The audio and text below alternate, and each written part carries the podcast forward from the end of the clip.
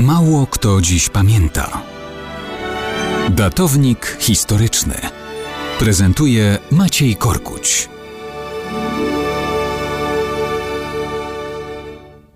Mało kto dziś pamięta, że wczoraj, 26 kwietnia, minęła rocznica wydarzeń na Filipinach z 1521 roku.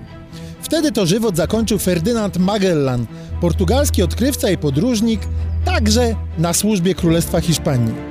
To jeden z najwybitniejszych żeglarzy, zorganizował pierwszą wyprawę, która opłynęła glob ziemski, a wszystkie jego dokonania wypełniły w gruncie rzeczy krótki żywot.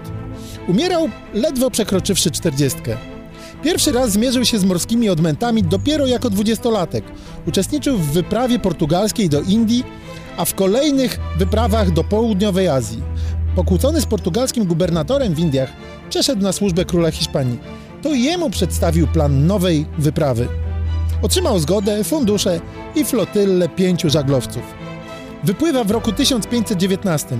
W okolicach południowych wybrzeży Ameryki Południowej szuka przejścia z Atlantyku na drugą stronę. Nie jest łatwo, pierwotne rachuby się nie potwierdzają, a załoga podnosi bunt. W końcu udaje się. Wypływa na Wielki Ocean.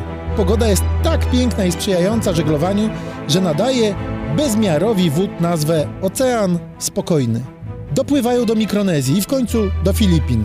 Tam, po tylu przejściach i niebezpieczeństwach, wdaje się w spór między krajowcami na wyspie Mactan. Zupełnie nonsensownie ginie w potyczce z miejscowym królem. Wyprawa została dokończona przez jego ludzi już bez Magellana.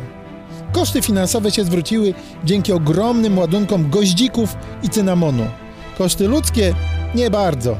Magellan wyprawy przypłacił życiem razem z większością załogi. Było ich na początku 245, dopłynęło ostatecznie 18.